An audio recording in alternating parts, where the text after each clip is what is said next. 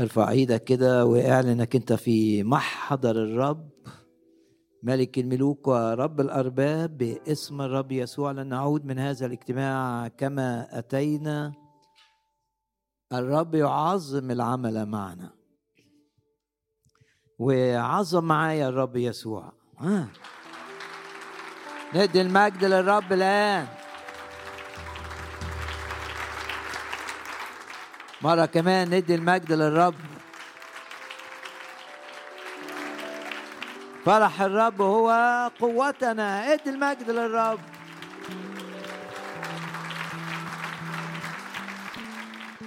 عبر عن فرحك بأنك في محضر الرب ولن تعود من هنا كما أتيت. عظم الرب مرة كمان.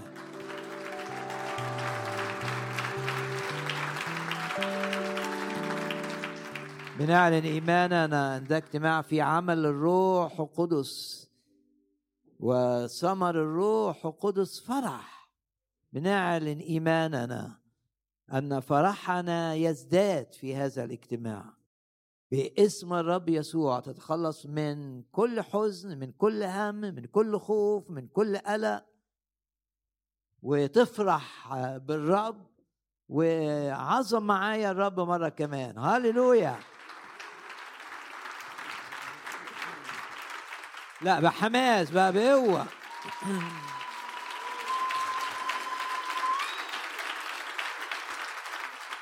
هللويا. وإحنا بنعظم الرب كده بنعمل إيه؟ بنعظم الرب.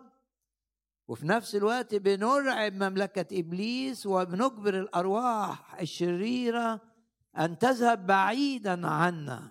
عظم الرب مرة كمان. هللويا. قول هللويا كده. اهتف للرب. قول هللويا. هللويا. هللويا. ارعب مملكة إبليس وإجبر الأرواح الشريرة أن تبتعد عنك مذعورة خائفة باسم الرب يسوع. اهتف معايا بكل كيانك وقول كده هاليلويا هاليلويا هاليلويا من مثلنا شعب منصور بالرب. واعلن كده إيمانك وارفع إيدك كده اعلن إيمانك إنك منتصر. منتصر على إبليس منتصر على الخطية منتصر على الشر منتصر على الخوف منتصر على الحزن منتصر على الهم. في هذه جميعا. يعظم انتصارنا يعظم انتصارنا. بالذي أحبنا واهتف كده واعلن إنك أنت منتصر على المرض منتصر على الضعف. باسم الرب يسوع نحن في الارتفاع نسير من قوة إلى قوة نتغير من مجد إلى مجد. وكل آلة اتعملت لإيذائنا. لا لا لا تنجح. اهتف مرة كمان للرب وقول هاليلويا هاليلويا آه بحماس بقوة ده الملك في وسطنا. عايزين نقول له هاليلويا هتاف ملك في هذا الاجتماع. اهتف للرب وقول هاليلويا حول الحزن إلى فرح وقول هاليلويا بندوس على الحياة والعقارب ونعلن إحنا أعظم أعظم أعظم من منتصرين وندي المجد للرب مرة كمان. هللويا هللويا هللويا هللويا هل تثق أن الرب سيتحدث إليك في هذا الاجتماع؟ ارفع إيدك كده. الرب سيتحدث إلى كل شخص فينا سواء كان هنا في هذه القاعة أو في الخارج أو يتابع الاجتماع عبر الإنترنت أو يستمع لهذه العظة مسجلة. اعلن كده إيمانك إن الرب يدي كلمة ممسوحة بالروح القدس ويملأ العظة بفيض ضخم من كلام النبوة من كلام العلم من كلام الحكمة. أيضا من الجدد والعتقاء. ارفع إيدك كده معايا واعلن كده تتوقع أن يتحدث الرب إليك بكلمات واضحة. واعلن إيمانك معي أن الرب سيلمسك ليسدد أي احتياج عندك. المرضى ينالون الشفاء باسم الرب يسوع. المنزعجون يمتلئون بالسلام باسم الرب يسوع. ارفع إيدك كده المقيدون اعلن ايمانك. الرب يرسل كلمته ويحررهم من كل قيد باسم الرب يسوع. حرية وشفاء باسم الرب يسوع. حرية من أي قيود شيطانية من أي سيطرة للخطية حرية حرية حقيقية. وارفع إيدك كده وقول كلمات بولس لا يتسلط علي شيء لا يتسلط علي خوف لا يتسلط علي انزعاج لا يتسلط علي الكذب لا يتسلط علي المرارة لا يتسلط علي شيء الذي يتسلط علي هو الرب. باسم الرب يسوع. مكتوب حرركم الرب يسوع. بالحقيقة تكونون أحرارا وندي المجد للرب مرة كمان.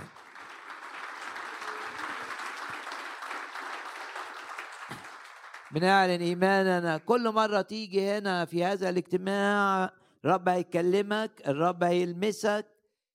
أمور عظيمة ستحدث معك. ستختبر إله المعجزات الذي يغير الأوقات والأزمنة باسم الرب يسوع. تختبر الرب وتمتلئ بإيمان أن الرب يحفظك في مشيئته. وانتبه مشيئة الرب للمؤمن أن يكون نافعا للرب. مشيئة الرب ليك إنك أنت تبقى نافع للرب. مشيئة الرب ليك إنك أنت تبقى نافع لملكوت الرب.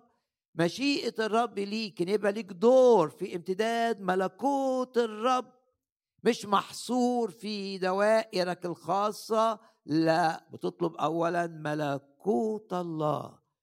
اعلن إيمانك معي. في كل مرة تيجي هنا في كل مرة تحضر الاجتماع أو تتابع الاجتماع عبر الإنترنت في حاجة حقيقية بتحصل في حياتك. علشان تبقى مستخدم من الرب عشان تبقى نافع للرب عشان تبقى نافع لملكوت الرب. وارفع إيدك كده معايا واعلن إن خطط إبليس ضدك. لا تقوم لا تكون. خطط إبليس هدفها إيه؟ إنك تطلع بره مشيئة الرب. خطط إبليس ضدك هدفها إيه؟ إنك تكسر وصايا الرب. خطط إبليس إنك تبقى مش نافع لامتداد ملكوت الرب. ارفع إيدك كده معايا واعلن إيمانك إن خطط إبليس اللي ضدك لا تقوم ولا تكون. وقول جواك كده باسم الرب يسوع احفظ في مشيئة الرب الكاملة باسم الرب يسوع. والرب يقفل بيبان ويفتح بيبان لي علشان أظل في مشيئته. الرب مش عايزك منزعج الرب مش عايزك مضطرب الرب مش عايزك خايف الرب مش عايزك تفشل. الرب يريدك أن تكون من نجاح إلى نجاح ومن فرح إلى فرح. الرب عايزك تحيا حياة التمتع. إيه مشكلة الابن الأكبر في قصة الابن الضال؟ أنه لم يكن متمتعا. كان بيشتغل كان أمين بيشتغل آه، في البيت بيشتغل. وتبع باباه بيشتغل لكن لم يكن يتمتع بأبوة الأب ولم يكن يتمتع داخل البيت. عشان كده آه، كان يحتاج إلى لمسة. من الرب له. رب عايزك تعيش حياة التمتع معاه. التمتع الروحي التمتع في كل دوائر الحياة والآية واضحة أعطانا كل شيء بغنى للتمتع. واللي بيعطل التمتع إنك تبقى بره مشيئة الرب في أمر من الأمور. اللي بيعطل التمتع إنك أنت تبقى مستسلم لخطية لا تقاومها. معطل التمتع انك انت مش مصدق ان الرب قصده ليك انك تبقى في الارتفاع وقصده ليك انك تعيش أيام السماء على الأرض وقصده ليك انك تبقى تقول كده الرب راعي فلا يعوزني شيء. إنما خير ورحمة يتبعانني كل أيام حياتي. وتشوف إحسان الرب في كل دوائرك بلا استثناء. باسم الرب يسوع نمتلئ بالإيمان إن خطط الشيطان ضدنا لا لا لا تنجح وإن إحنا هنعيش حياة التمتع مع الرب والرب هيستخدمنا أكثر من أي وقت مضى. اعلن إيمانك وقول كده جواك نعم نعم. الرب بيحبني الرب بيحبني ولأنه يحبني يريد أن يستخدمني وأكون بركة لكثيرين. آه أوعى تستصغر نفسك لا لصغر النفس. ارفع إيدك كده واعلن إيمانك إن الرب يغير في فيك في تفكيرك في ظروفك. كل ما يستلزم إنك عشان تبقى نافع ليه يحتاج إلى تغيير كل حاجة. تستلزم التغيير الرب هيعملها. اعلن إيمانك أن الرب سيتحكم في كل ظروفك في كل علاقاتك في كل أمورك من أجل أن تكون كما يريدك الرب. تحيا حياة المجد تحيا حياة التمتع تحيا حياة القوة وتكون بركة لكثيرين وكثيرين رجاء لا تستصغر نفسك سلم نفسك كده للرب. وزي ما الآية الشهيرة بتقول كفاك دوران. لو أنت بتدور وتلف حوالين نفسك كده وحياتك عبارة عن دواير تطلع من حاجة وترجع لنفس الحاجة وتطلع من حاجة لتت... لا يجي وقت الرب قال خلاص في رؤية اتجه إلى الشمال أعلن إيمانك. أن الرب يعطيك رؤية للأيام القادمة باسم الرب يسوع لكي لو أنت بتدور وطاقة بتضيع وما في مش بتتحرك من نفس المكان من نفس النقطة الروحية من نفس حاسس إنك مقيد حاسس إنك أنت مش مثمر للملكوت ليه يضيع أيامك كده؟ اعلن إيمانك. مش صدفة أنك أنت بتسمعني أقول هذه الآية كفاكم دورانا انطلق. الرب بيدي لك رؤية. قال لشعبه كده الرؤية اتجهوا إلى الشمال. بدل ما بتلفوا وترجعوا وتروحوا الرب يدي لك رؤية واضحة باسم الرب يسوع. باسم الرب يسوع حياتك تكون مفيدة لامتداد ملكوت الرب. ومرة كمان نرفع إيدينا ونعلن إيماننا إن كل خطط شيطانية لكي نظل في الدوران لا تقوم لا تكون. الشيطان عايز إيه؟ الشيطان عايز يملاك مرارة من الظروف مرارة من أشخاص. الشيطان عايزك تبقى آه، في صراعات داخلية آه، كثيرة. الشيطان مش عايزك كده تبقى متمتع وفي سلام لكن الرب واضح قال كده سلامي أعطيكم. رب عايزك تتملي بالسلام وعايزك تتملي بالراحة. شوف العبارة اللي بيقولها الرب تعالوا إلي يا جميع المتعبين والثقيل الأحمال وأنا أريحكم. يبقى مشيئة الرب ليك إنك ترتاح. مش إن حياتك تبقى صراعات وأفكار رايحة وأفكار جاية و آآ آآ وانفعالات نفسانية. لا الرب عايزك تهدى كده في محضره لأني مكتوب كده بالهدوء والطمأنينة. تكون قوتكم. ارفع إيدك كده واعلن إيمانك معايا. يلمسك الرب الآن ويديك الهدوء ويديك الطمأنينة. ويرفع من تفكيرك أي خوف يشيل من تفكيرك أي انزعاج باسم الرب يسوع يخليك كده هادي بالهدوء بالطمأنينة تكون قوتكم يبقى الرب عايزنا هادئين غير مضطربين. لما الرب عطى الكلمات دي لشعبه شعبه كان بقى بيفكر ويحمي نفسه إزاي ويعمل إيه وما يعملش إيه ولو عمل كده يتعب ولو عمل كده يتعب وقادوا الشعب الرب قادوا التفكير يعمل آه، معاهدة ويبعت لملك مصر يحميه. الرب قال لهم أنتوا مش محتاجين كل ده محتاجين تهدوا بس معايا.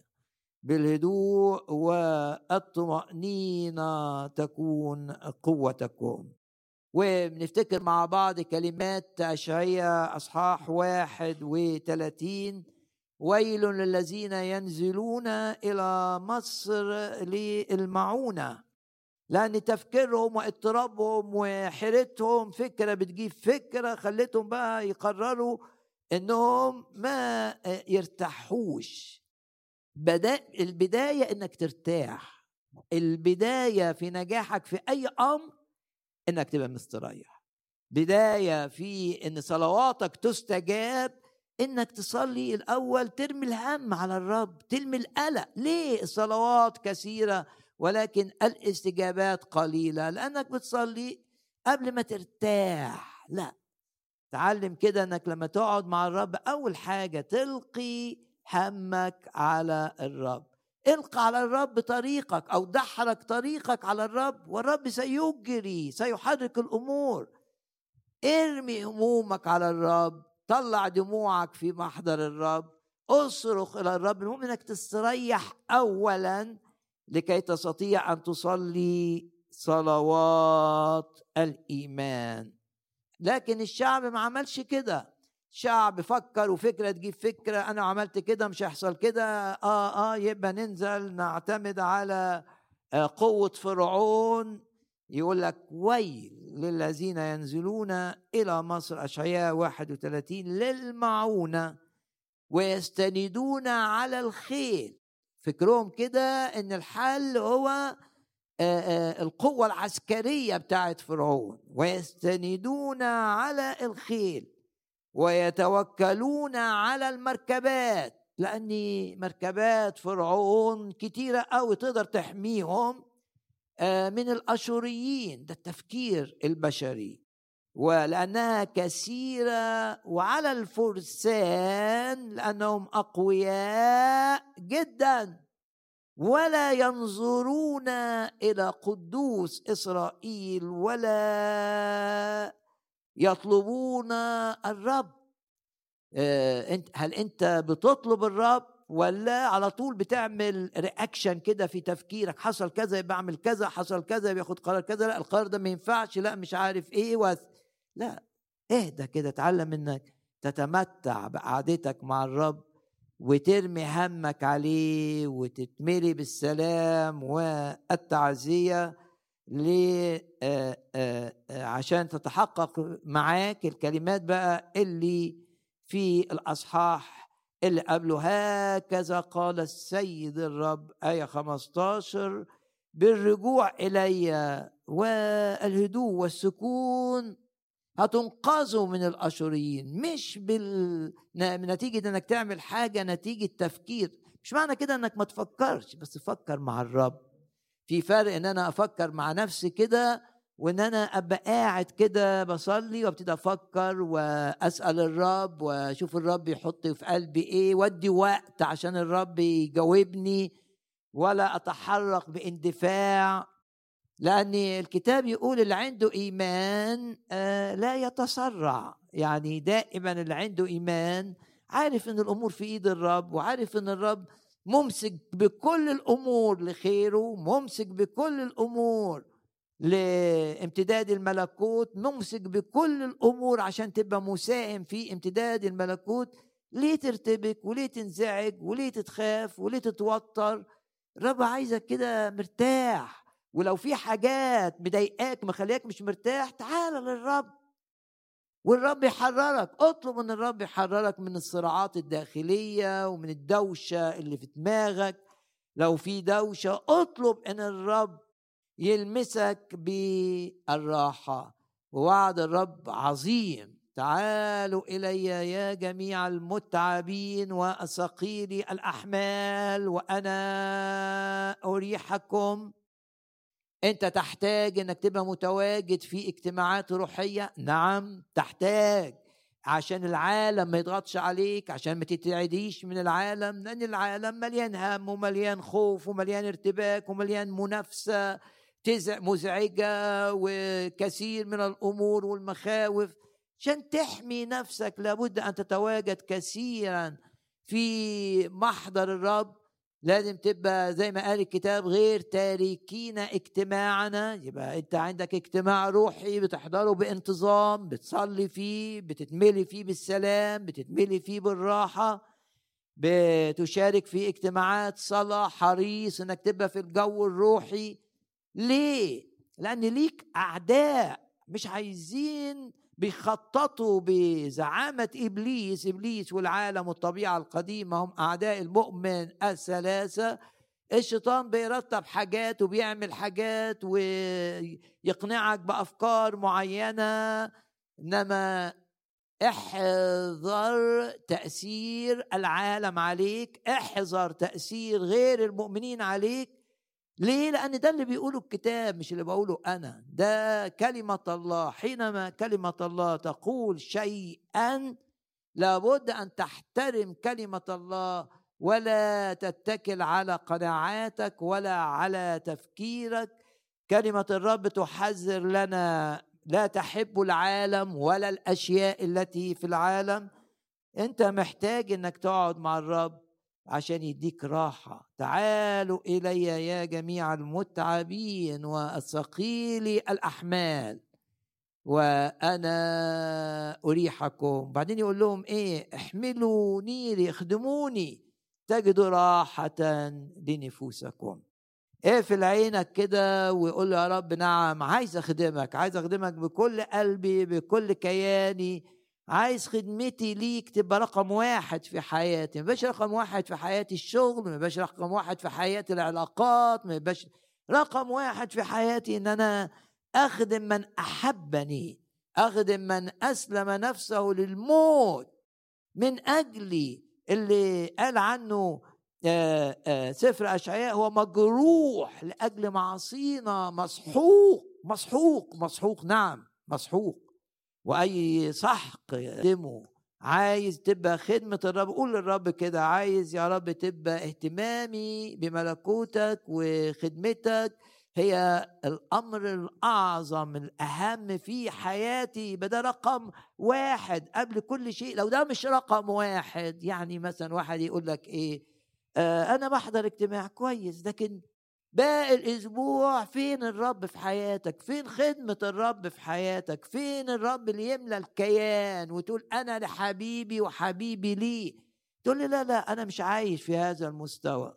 آه بس الرب بيدعوك أن تحيا في علاقة تتناسب مع اللي عمله معاك تتناسب مع إنه جابك ليه تتناسب مع إنه آه، مات من أجلك باسم الرب يسوع. لا نكون مثل شعب الرب اللي استسلم لأفكاره وقناعاته ومجادلاته وذهب إلى مصر للمعونة وما استريحش في علاقته مع الرب.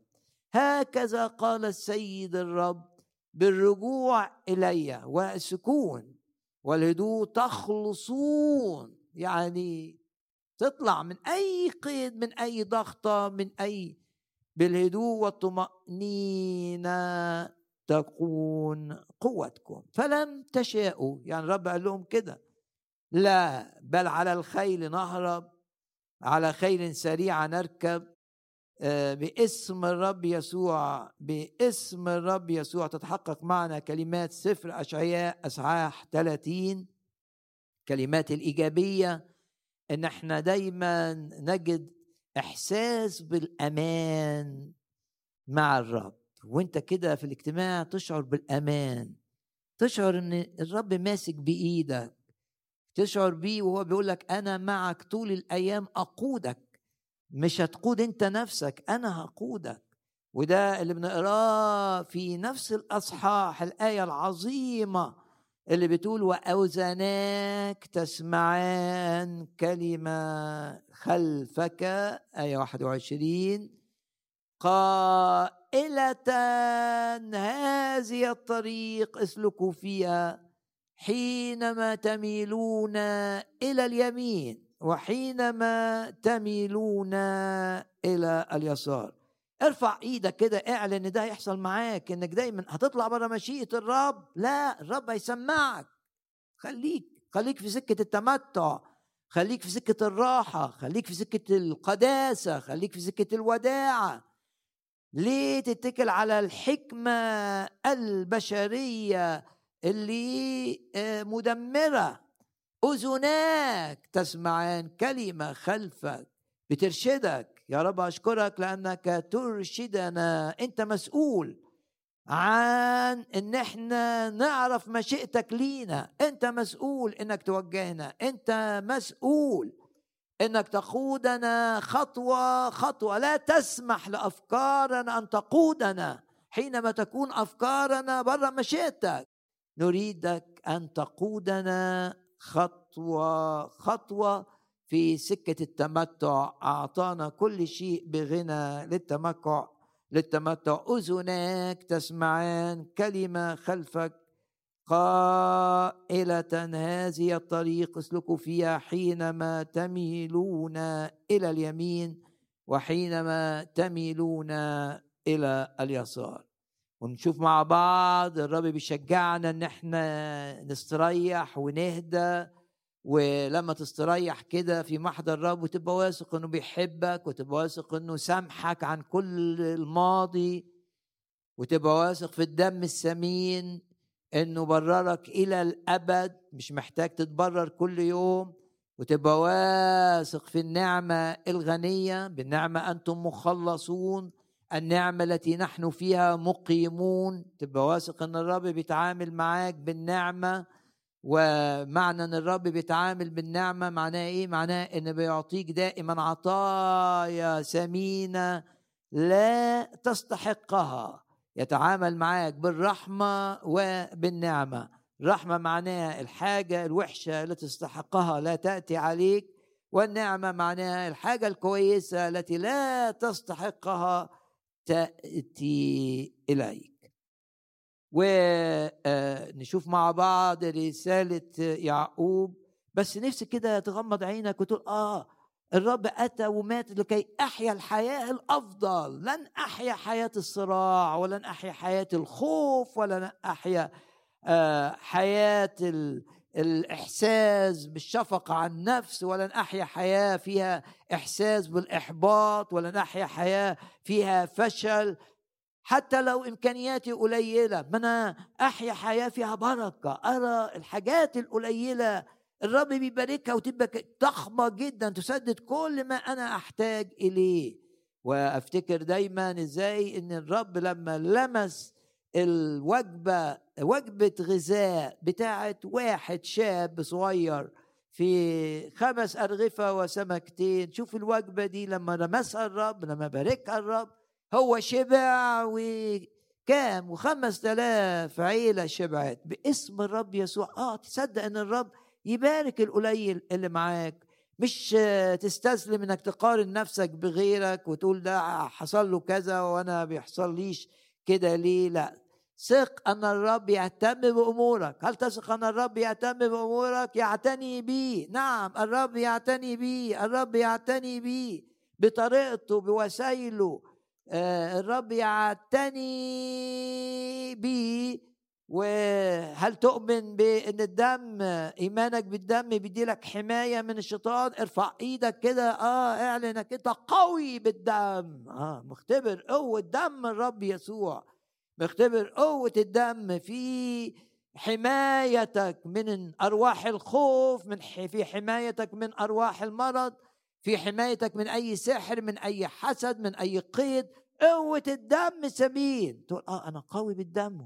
هم غلبوا إبليس بدم الخروف. ارفع إيدك كده آه بنأكد إن إحنا ما فيش لعنات على حياتنا. بنأكد إن ما فيش لعنات وراثية تأتي إلينا. بنأكد إن ما فيش حسد يضرنا ما فيش سحر بيأذينا. لأننا خلف الباب المغلق أمام الأرواح الشريرة المغلق أمام المهلك لأن دم الرب يسوع مرشوش على بأبوابنا المغلقة أمام العدو. رسالة يعقوب نبص مع بعض في رسالة يعقوب رسالة بتتكلم عن السلوك الروحي كيف تسلك في هذه الحياة. اهتم بكلمة الرب اهتم بدراسة كلمة الرب. ونرى معا ماذا يقوله يعقوب في رسالة يعقوب في الأصحاح الأول. إن كان أحدكم تعوزه حكمة محتاج حكمة فليطلب من الله. يبقى اذا أنت محتاج إنك ما تعتمدش على تفكيرك المنطقي وذكائك وتحليلك للأمور. اطلب حكمة اللي من فوق. كان أحدكم تنقصه حكمة فليطلب من الله الذي يعطي الجميع. الجميع يعني الجميع يعني أي حد أي حد يثق واي حد عنده إيمان أي حد بيصلي باسم الرب يسوع اطلب باسم الرب يسوع أن تنال الحكمة التي تجعلك ناجحا التي تجعلك قادرا على مقاومة الخطط الشيطانية المضادة.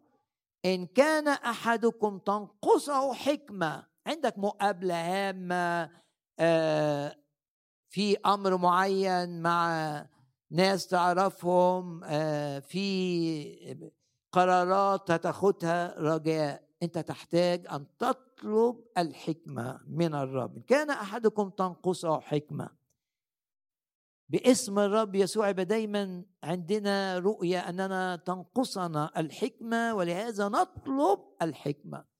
في مواقف كده تحس إنها أكبر منك. زي ما عمل آه كلنا نتذكر الملك يهوشافاط. آه الحكمة بتاعته ابتلعت. يقول لك زي الناس اللي قال عنهم المزمور إنه كانوا في آه بحارة وعندهم خبرة في قيادة السفن وخبرة مع في التعامل مع الرياح والأمواج. كل الخبرة بتاعتهم عملوها من أجل إنقاذ المركب. في المزمور يقول لك إيه؟ ابتلعت حكمته يعني ما خلاص وصلوا إن ذكائهم لا يفيد. اقبل هذه العبارة. ذكائك بدون الرب سيضرك. خبرتك بدون الرب سوف تضرك. أنت تحتاج الحكمة التي يعطيها الرب.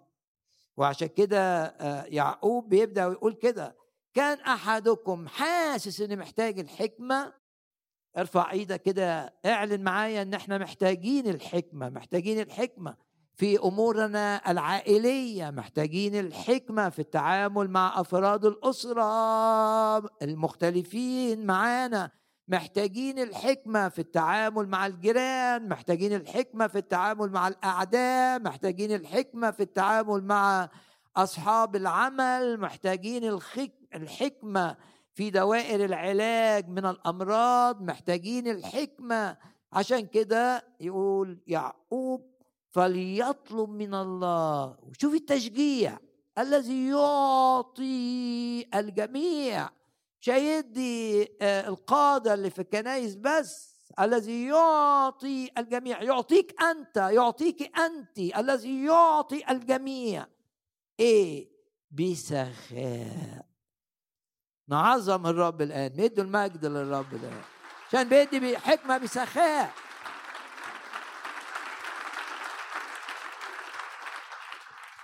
واعلن إيمانك كده لن تنقصك الحكمة باسم الرب يسوع لأنك مصدق كلمات الروح القدس في رسالة يعقوب.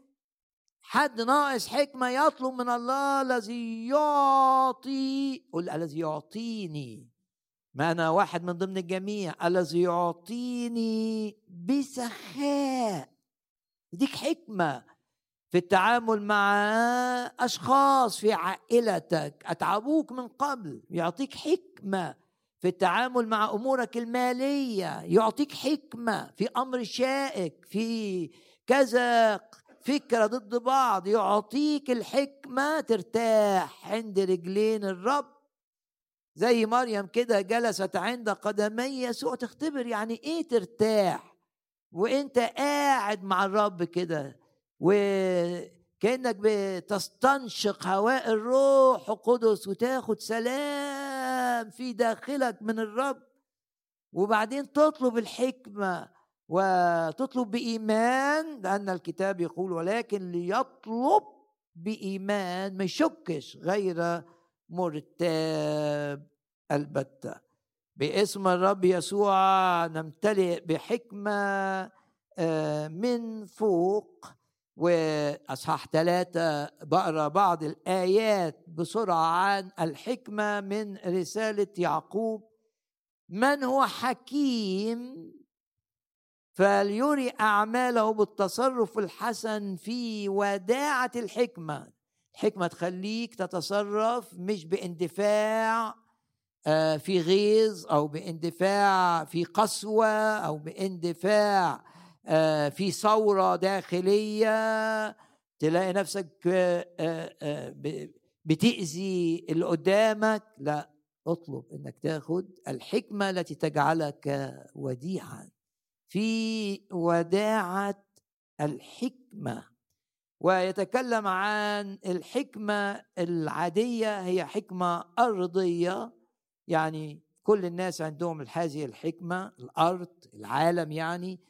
نفسانية يعني كتير بيبقى وراها النفس وراها الطبيعة القديمة الفاسدة اللي موجودة في كل البشر حتى في المؤمنين بس في المؤمنين ما بتشتغلش طول ما الطبيعة الجديدة بتشتغل. طول ما أنت آه، مع الرب وطول ما أنت بتطلب عمل الرب في حياتك الطبيعة الفاسدة ما بتشتغلش. أمال إيه اللي بيشتغل؟ الروح بيشتغل جواك. لكن الحكمة العالمية بتبدأ بحكمة أرضية يعني أسكي لو قعدت مع أي شخص ذكي هيقول لك رأيه وهتلاقي الرأي ده مع كثيرين لأن دي حكمة يشترك فيها الناس كلهم. بس دي بتتحول مع الوقت إلى حكمة نفسانية وراها بقى دوافع الداخل السيئة في دوافع الانتقام في دوافع وراها جواها مرارة في دوافع خبيثة فهي أرضية نفسانية دي آية 15 وبعدين يروح مستخدمها الشيطان فتبقى شيطانية. أرضية شوف الترتيب نفسانية شيطانية. أما الحكمة التي من فوق فهي أولا فيها قداسة وفيها محبة للسلام مسالمة إلى آخر آه الآية باسم الرب يسوع. ارفع إيدك كده واعلن إيمانك إن الرب يخلصك من الحكمة الأرضية. نعم يخلصك من الحكمة النفسانية. نعم يخلصك من الحكمة الشيطانية. نعم نعم. ويستجيب صلاتك ويعطيك الحكمة التي من فوق. اللي هي فيها الوداعة واللي فيها القداسة واللي بتدي انتصارات ونجاحات. ونتشجع بالآيات. يبقى الرب عايزك مضطرب؟ لا الرب عايزك إيه؟ الرب عايزك مرتاح بالرجوع والسكون بالهدوء والطمأنينة. تكون قوتكم الرب عايزك تقرر حاجات بأفكارك الخاصة متاثرا بالناس متاثرا بأصدقائك. لا الرب عايزك تقعد معاه وتاخد اولا الحكمة التي من فوق. تقول يا رب أنا عايز حكمة في هذا الأمر. عايزك ترشدني عايزك تقودني والوعد. امسك في الوعد. في وعد. في وعد. فليطلب أي الحكمة يعطي الرب بسخاء الحكمة. تطلب الحكمة بإيمان لأنه يعطي الجميع بسخاء. اطلب إنك تبقى حكيم. الحكمة مش الأرضية مش النفسانية اللي وراها دوافع غلط وطبيعة قديمة. اطلب أطلب باسم الرب يسوع الحكمة اللي اللي فيها غيرة من حد اللي فيها مواقف من حد لا أطلب الحكمة التي من فوق اللي فيها قداسة اللي فيها طهارة اللي فيها وداعة واللي بكل تأكيد تعطيك أن تنتصر ولا تلجأ زي ما عمل شعب الرب إلى المركبات والفرسان بتاعة أرض مصر. وأفكركم بس بكلمات المزمور الشهيرة ورائع إنك أنت تتذكر معي كلمة الرب والهك في الكلمة وردد الكلمة جواك خلي كلمة تسكن فيك بغنى وصلي بالكلمة ولما تبقى كده تلاقي نفسك ماشي في طريق نقاوة أنتم أنقياء الرب بيقول بسبب الكلام بسبب كلامي اللي بتقروه اللي بتسمعوه بسبب الكلام الذي كلمتكم به. فكر بعض بمزمور سبعة وعشرين وكلمات داود إن نزل علي جيش لا يخاف قلبي. حرية من الخوف حتى لو الجيش جه عليك الضرر قرب منك. إن قامت علي حرب حرب شيطانية حرب من ناس أي حرب في اي دائره حرب على صحتك على تفكيرك على بيتك على ممتلكاتك مش مهم. لأن يوجد الرب الذي يحفظك من كل شر. وارفع إيدك كده يعني إنك أنت فعلا تؤمن بأن الرب يحفظك من كل شر. وكل يعني كل من كل شر. بيحفظك الرب من كل شر. وتقدر تقول كده مع داود الآية دي رائعة جميلة حلوة إن قامت علي حرب ففي ذلك أنا. إيه؟ مطمئن. وغمض عينك كده معايا وبص للرب يسوع كده وقول له أنا معاك مطمئن. قول كده أنا مطمئن. ايا كانت الظروف بتاعتك أنا ما أعرفش ظروفك لكن الرب يعرف التفاصيل الدقيقة ويعرف ما يدور آه، ولا تعرفه من أحداث ويعرف المستقبل. بص للرب كده وارتاح واطمئن كده وقول كلمات داود العظيمة أنا مطمئن قامت علي حرب ففي ذلك أنا مطمئن. غمض عينك مرة كمان كده وردد الجملة البسيطة دي حط قدامك كده بالرب يسوع أنا مطمئن. بمحبة الرب أنا مطمئن. بقوة الرب أنا مطمئن. بقوة دم الرب يسوع اللي بتحميني أنا مطمئن بعمل الملائكة اللي الرب بيرسلهم لحمايتي ولتسهيل أموري. أنا مطمئن أنا مع الرب مطمئن لأنه أمين لأنه بيحقق كل وعوده. أنا مطمئن. أوعى تخاف من بكرة. الرب بيقول لك ما تنشغلش ببكرة ما تشيلش هم بكرة ابدا. تشغلش هم إن لما أولادك يكبروا هيعيشوا إزاي؟ ما تنشغلش ببكره الرب بيقول لك كده. ما لا تحمل هم الغد. ليه؟ لأن الرب الرب شايف الغد ويهيمن على الغد لخيرك يهيمن على الغد لأجلك. فكرش بكرة فكر في إن بكرة ده في إيد الرب. واعلن إيمانك إنك مطمئن ونرفع إيدينا كده نعلن إن إحنا مطمئنين من جهة أمور حدثت في الماضي. تقول حاجات حصلت في الماضي صعبة من الناس. ونتائجها جاية عليا أو حاجات حصلت مني ونتائجها جاية عليا. لا اطمئن قول كده الرب يحول اللعنة اللي جاية عليا إلى بركة. الرب يحفظني من نتائج أخطاء الماضي يحفظني من نتائج أخطاء الآخرين معي يحفظني من أخ... نتيجة خطئي أنا مع الآخرين. بص للماضي كده وقول أنا مطمئن بالهدوء والطمأنينة أنا مطمئن من جهة الماضي. خطاياي محا دم الرب يسوع. لا دينونة على الذين هم في المسيح يسوع. أنا مفيش دينونة عشان أنا مبرر في المسيح. فمن سيشتكي عليا مفيش حد يقدر يشتكي عليا ليه؟ لأن الدم بررني. لأن الرب لم يحسب لي خطية. باسم الرب يسوع. تبقى مطمئن. مطمئن من جهة نتائج أخطاء الماضي. وتبقى مطمئن من جهة الحاضر. إن الرب معاك النهاردة. وتقول كده أشكرك يا رب لأني أنت عايزني النهاردة أبقى مستريح وعايزني النهاردة مليان سلام وعايزني النهاردة مليان فرح. وعايزني النهارده أبقى نافع للآخرين وعايزني النهارده ما استمرش في الدوران وأعود لنفس النقطة.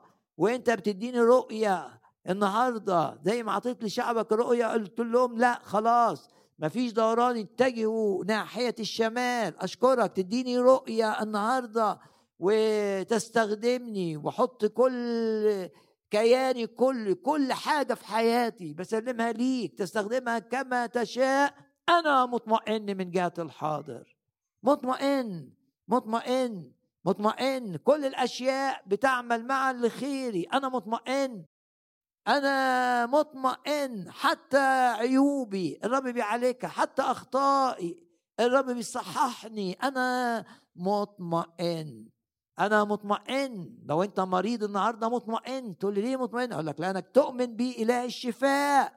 تؤمن بيهوى رفع. أنا والرب شافيك أنت مطمئن. تقول لي إمكانياتي قليلة. أقول لك آه أنت مطمئن إنك تؤمن بيهوى يرى يرى الاحتياج. يهوى يرى ده اسمه معناه إيه؟ يرى احتياجي ويسدد الاحتياج. محتاج نجاح هدي لك نجاح. محتاج إيه؟ يهوى يرى يرى الاحتياج ويسدده لأن أنا محتاج عاطفيا نفسيا كده شاعر إن أنا وحيد وشاعر إن أنا عايز حد يحبني. طب وماله؟ تعال للرب وصدق إن الرب سيسدد هذا الاحتياج بطريقته مش بطريقتك باسم الرب يسوع. طب ومن جهة المستقبل برضو اطمئن لأن الرب معك طول الأيام. ووعدوا ليك لا أهملك ولا أتركك. كن مطمئنا من جهة الماضي كن مطمئنا من جهة الحاضر كن مطمئنا من جهة المستقبل وغمض عينك كده وقول يا رب تريحني من كل جهة.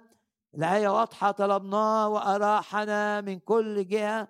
لما الملك آه، فقد ابتلعت حكمته قال كده للرب ليس فينا قوة.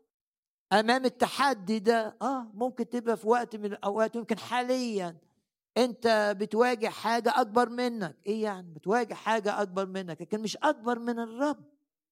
اللي أنت بتنتمي إليه.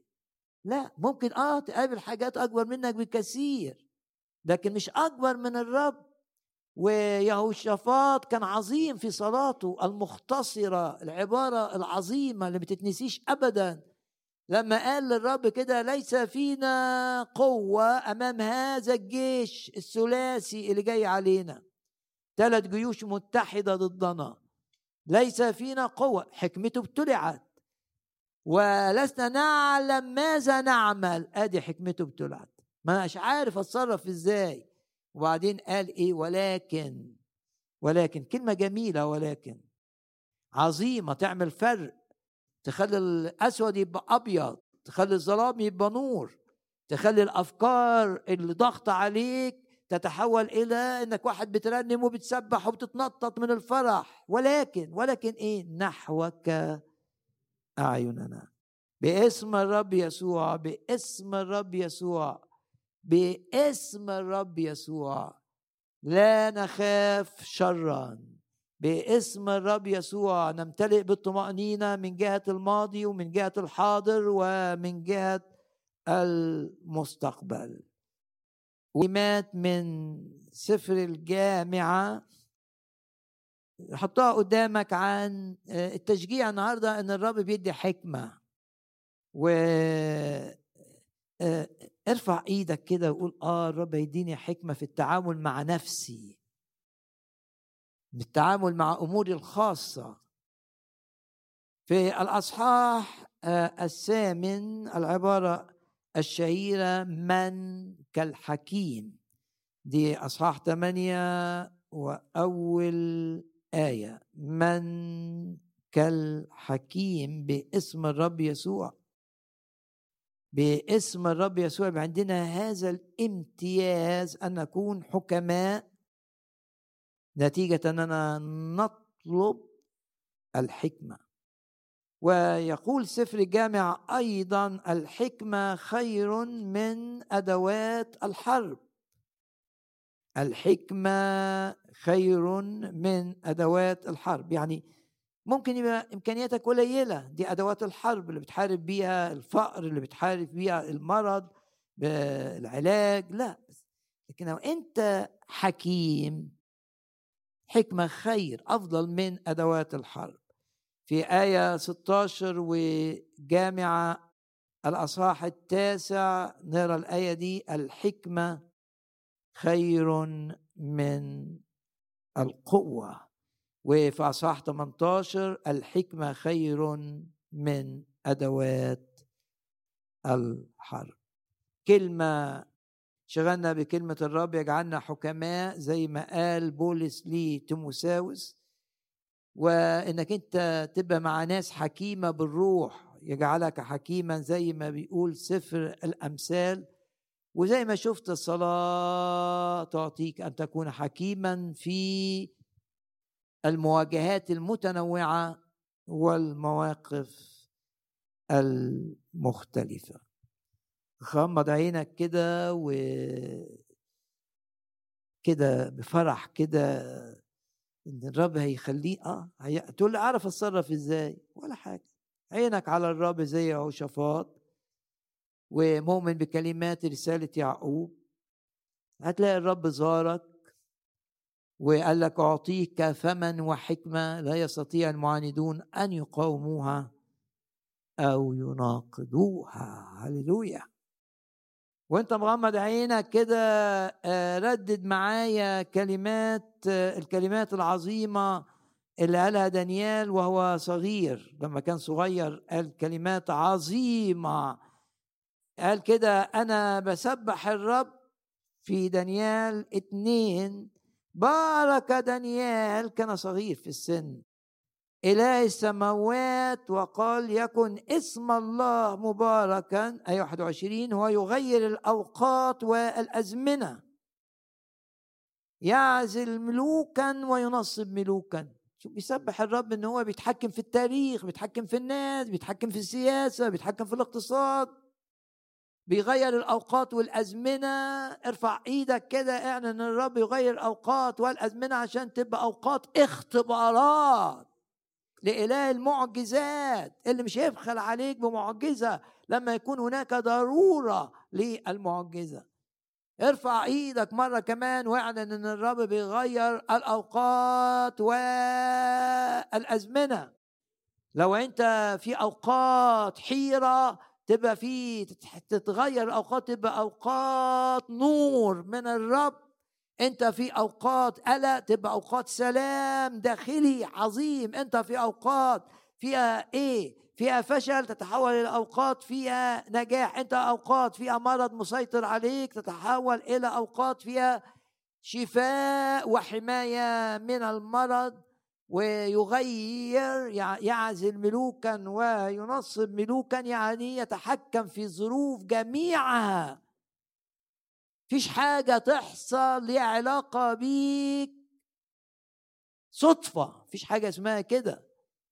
فيش حاجة أي حاجة ليها علاقة بيك حتى لو قرار هيطلع من وزير ولا هيطلع من آه، الرئاسة ولا هيطلع من صاحب المكان أي حاجة ليها علاقة بيك تحت هيمنة الرب. شوف الآية اللي بيقولها دانيال. وهو يعزل ملوكا وينص ينصب ملوكا وبعدين قال يعطي الحكماء حكمة يعني زود الحكمة بتاعتهم.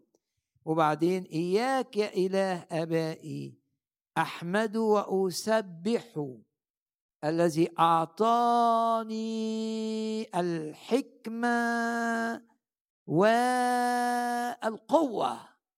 غمض عينك وقول آه أنا مع دانيال الرب هيديني الحكمة. وهيديني القوة عشان أبقى أقوى من أي تجربة وأقوى أحكم من إبليس. مش هيخدعني مش هيدخلني في حاجة مش من إيد الرب. وأقوى أقوى من الخطية وأقوى من الإغراء وأقوى وأقوى من الجاذبية العالم وأقوى أقوى. عندي عندي حصانة إلهية باسم الرب يسوع أنا أقوى باسم الرب يسوع الذي أعطاني الحكمة في دائرة العائلية يديني حكمة في دائرة العلاقات يديني حكمة. لو بتخدم الرب في دوائر الخدمة الرب يعطيك حكمة حكمة حكمة حكمة. لا يستطيع المعاندون أن يقاوموها أو يناقضوها وتقول مع دانيال يا رب أشكرك وأسبحك أنت أعطتني الحكمة والقوة وندي المجد للرب الآن. هللويا هللويا هللويا هللويا. يعظم انتصارنا بالذي أحبنا. مرة كمان غمض عينك كده وإيه اللي لمسك فيه الجزء التشجيعي ده عن الطمأنينة والحكمة وحياة التمتع. هللويا.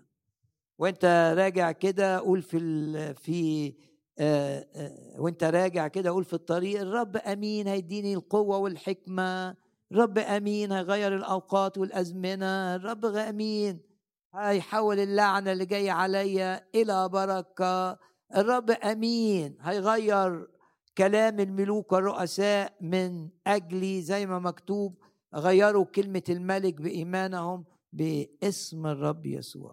توقع توقع أخبار سارة من الرب هذه الأيام. ارفع إيدك كده توقع أخبار سارة من الرب. مش عارف ده حسيت إن أنا أقول كده دلوقتي. توقع أخبار سارة من الرب وما فيش أخبار مزعجة أو مؤذية. كنت سمعت أخبار قبل كده مؤذية مزعجة قرارات جديدة أمور جديدة تحدث والنتيجه قرارات وأخبار مفرحة مسرة في هذا الأسبوع وإدوا المجد للرب مرة كمان.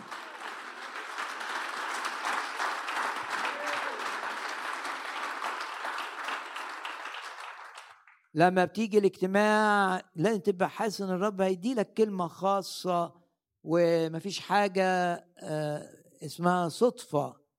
في حاجة اسمها الرب بيهيمن على المتكلم من أجلك. أنت غالي على الرب وعشان أنت غالي على الرب الرب ممكن يخلي كل العظة دي كأنها معمولة ليك أنت مخصوص. لأنك ثمين في عيني الرب صرت عزيزا في عيني. أنا قد أحببتك يقول الرب. سفر حسقيال آه، بنكمل التأمل في حسقيال ورغم الأمور الغريبة جدا جدا اللي عملها حسقيال وممكن أي حد يشوفه وهو بيعملها آه، يتهمه بأنه جاله حالة آه، من الجنون عمل حاجات غريبة جدا. و قص شعره بسيف أو بخنجر وحرق شعره وقصه ووزعه. يعني شفنا الحاجات الغريبة ونام على جنبه اليمين والشمال أيام كثيرة وكان بياكل بمقدار حاجات غريبة قوي فعلها حسقيال آه، وكانت منظورة من الناس. إنما رغم إن وكان عمره آه، صغير يعني آه، بدأ الحاجات دي وهو آه، عمره 30 سنة. رغم صغر سنه ورغم الأمور الغريبة جدا اللي عملها لكن الرب أرسل هيبته أمامه يعني رب عطاله هيبة. رغم يعني أمور مزعجة كان ممكن الناس إيه المجنون ده أو ده أصله طائش أصله في سن صغير أصل السبي اثر عليه أصله آه، اتحرم من الهيكل واتحرم من العبادة. كان ده وقت يبقى كاهن ف آه، اتاخد ال... واتاخد طبعا من العدو العدو خده ووداه بابل. لكن لا حصل زي ما قلت لكم في المرة السابقة العكس تماما. إن الناس شافت إنه نبي. الناس حست إنه لا ده حقيقي. الناس حست إن اللي بيعمله ده ليه معنى. وده اللي شفناه في أول آية في أصحاح ثمانيه كان في السنة السادسة في الشهر السادس في الخامس من الشهر وأنا جالس في بيتي ومشايخ يهوذا جالسون أمامي يعني قعد في بيته والقادة بتوعت الشعب المسبي جم يقعدوا معاه وجم عشان يسمعوا منه الرب بيقول إيه ولما جت دخل في الرؤية انتظروه. آه. رغم إيه؟ رغم الأمور الغريبة اللي عملها بس الأمور الغريبة اللي عملها كانت طاعة للرب. دي أهم حاجة. عمل الحاجة بالظبط اللي الرب عايزه منها لا أزيد ولا أقل. وعشان كده الرب أيده. لما تكون بتطيع الرب لازم تؤمن إن الرب هيأيدك في عينين الناس. يعطيك نعمة زي ما عطى لإستير نعمة. في آه، عيني الراجل اللي بكلمة واحدة يأمر بقتلها واحدة من ضمن الوحدات الكتير اللي في القصر بتاعه. لكن هي معاها الرب. آمن دائما إن برغم أي حاجة الرب سيرسل زي الآية يرسل هيبته أمامك. يعني أولاد يعقوب ارتكبوا ارتكبوا فعل أحمق والناس كلها اللي في المكان عيلة يعقوب ضعيفة ممكن تهجم وتنتقم من هذه العائلة؟ لا يقول لك هيبة الرب جت عليهم. ما قدروش آه، ولا فكروا حتى إنهم يأذوا يعقوب. باسم الرب يسوع ده آه، أول درس كان لينا في الأصحاح آه، الثامن كن طائعا للرب والرب ها يدي لك هيبة في عينين من تتعامل معهم. كن طائعا للرب وما تبصش لصغرك أو لإمكانياتك القليلة زي ما قال الرب الأرمية لا تقل إني ولد عشان أنا معاك. لا تقل إني ولد ما تقولش أنا صغير. قول أنا بطيع الرب أنا خادم الرب أنا تبع الرب. فالرب يدي لي ليا هيبة آه، العيلة فيها حاجة آه، وفين ضدي وده بيكلم. أيوة الرب يدي لك هيبة يعطيك فما وحكمة ويرسل هيبته أمامك. ونلاحظ هنا إن في تحديد للتاريخ اللي حصل فيه الأمر ده. كان في السنة السادسة في الشهر السادس. وكل حاجة في الكتاب المقدس ليها معنى وليها رسالة. والأرقام في الكتاب المقدس ثابتة في معناها. يعني هتلاقي معنى الرقم أو الحاجة اللي بيشاور عليها الرقم هي هي في كل الكتاب. دليل إن الكتاب وحدة واحدة. وإن رغم إن الكتاب اتكتب في آه يمكن 16 قرن مثلا يعني 1600 سنة بين توقيت كتابة موسى لأول سفر أو أيوب مثلا وتوقيت يوحنا في كتاب السفر الرؤيا. وبقى ناس كتير اللي كتبت منهم الغني ومنهم الفقير ومنهم العالم ومنهم الجاهل. لكن رغم كده تلاقي الكتاب المقدس بيكمل بعضه بعضا معجزة. و تشوف الوحدة واضحة وأحد معالم الوحدة في الكتاب المقدس ثبات معاني ورموز الأرقام. دائما رقم ستة يتكلم عن حاجة ناقصة لأنه عبارة عن سبعة ده رقم كامل. ناقص واحد بقي ستة ورقم ستة يتكلم عن أمور البشر الناقصة. يعني رقم ستة رقم البشر رقم الإنسان. الرب خلق الإنسان في اليوم السادس آه بيشتغل ست أيام في الأسبوع. زمان العبد كان يشتغل ست سنين. يعني كله عن الإنسان. رقم ستة ودائما الإنسان ناقص ويحتاج إلى الرب. ومن الإشارات الهامة لرقم ستة اللي بنقراه في سفر الرؤيا أصحاح 13 هنا الحكمة. إيه إيه الحكمة هنا؟ في آية 18 ورؤيا أصحاح 13 تقول أنا عايز أعرف إيه الحكمة دي؟ هو هنا الحديث عن الوحش. لا يقدر أحد أن يشتري أو يبيع إلا من له السمة أو اسم الوحش أو عدد اسمه. إيه العدد بتاع اسم الوحش؟ هنا الحكمة بقى. إيه؟ من له فهم فليحسب عدد الوحش.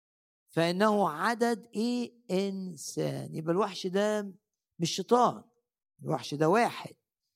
ليه؟ عدده ستة ستة ستة. عدده كام؟ ستمائة وستة وستون. يعني هو إنسان في الضعف لا ده في الفساد بس في رقم ستة بقى.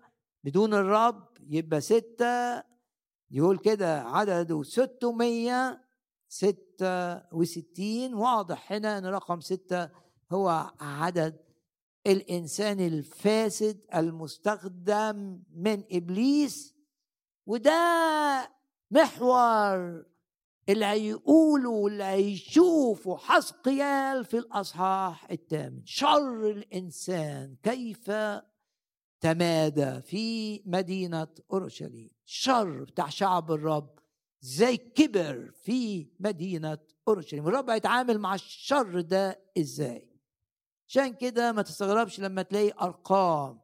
كان في السنة السادسة في الشهر السادس.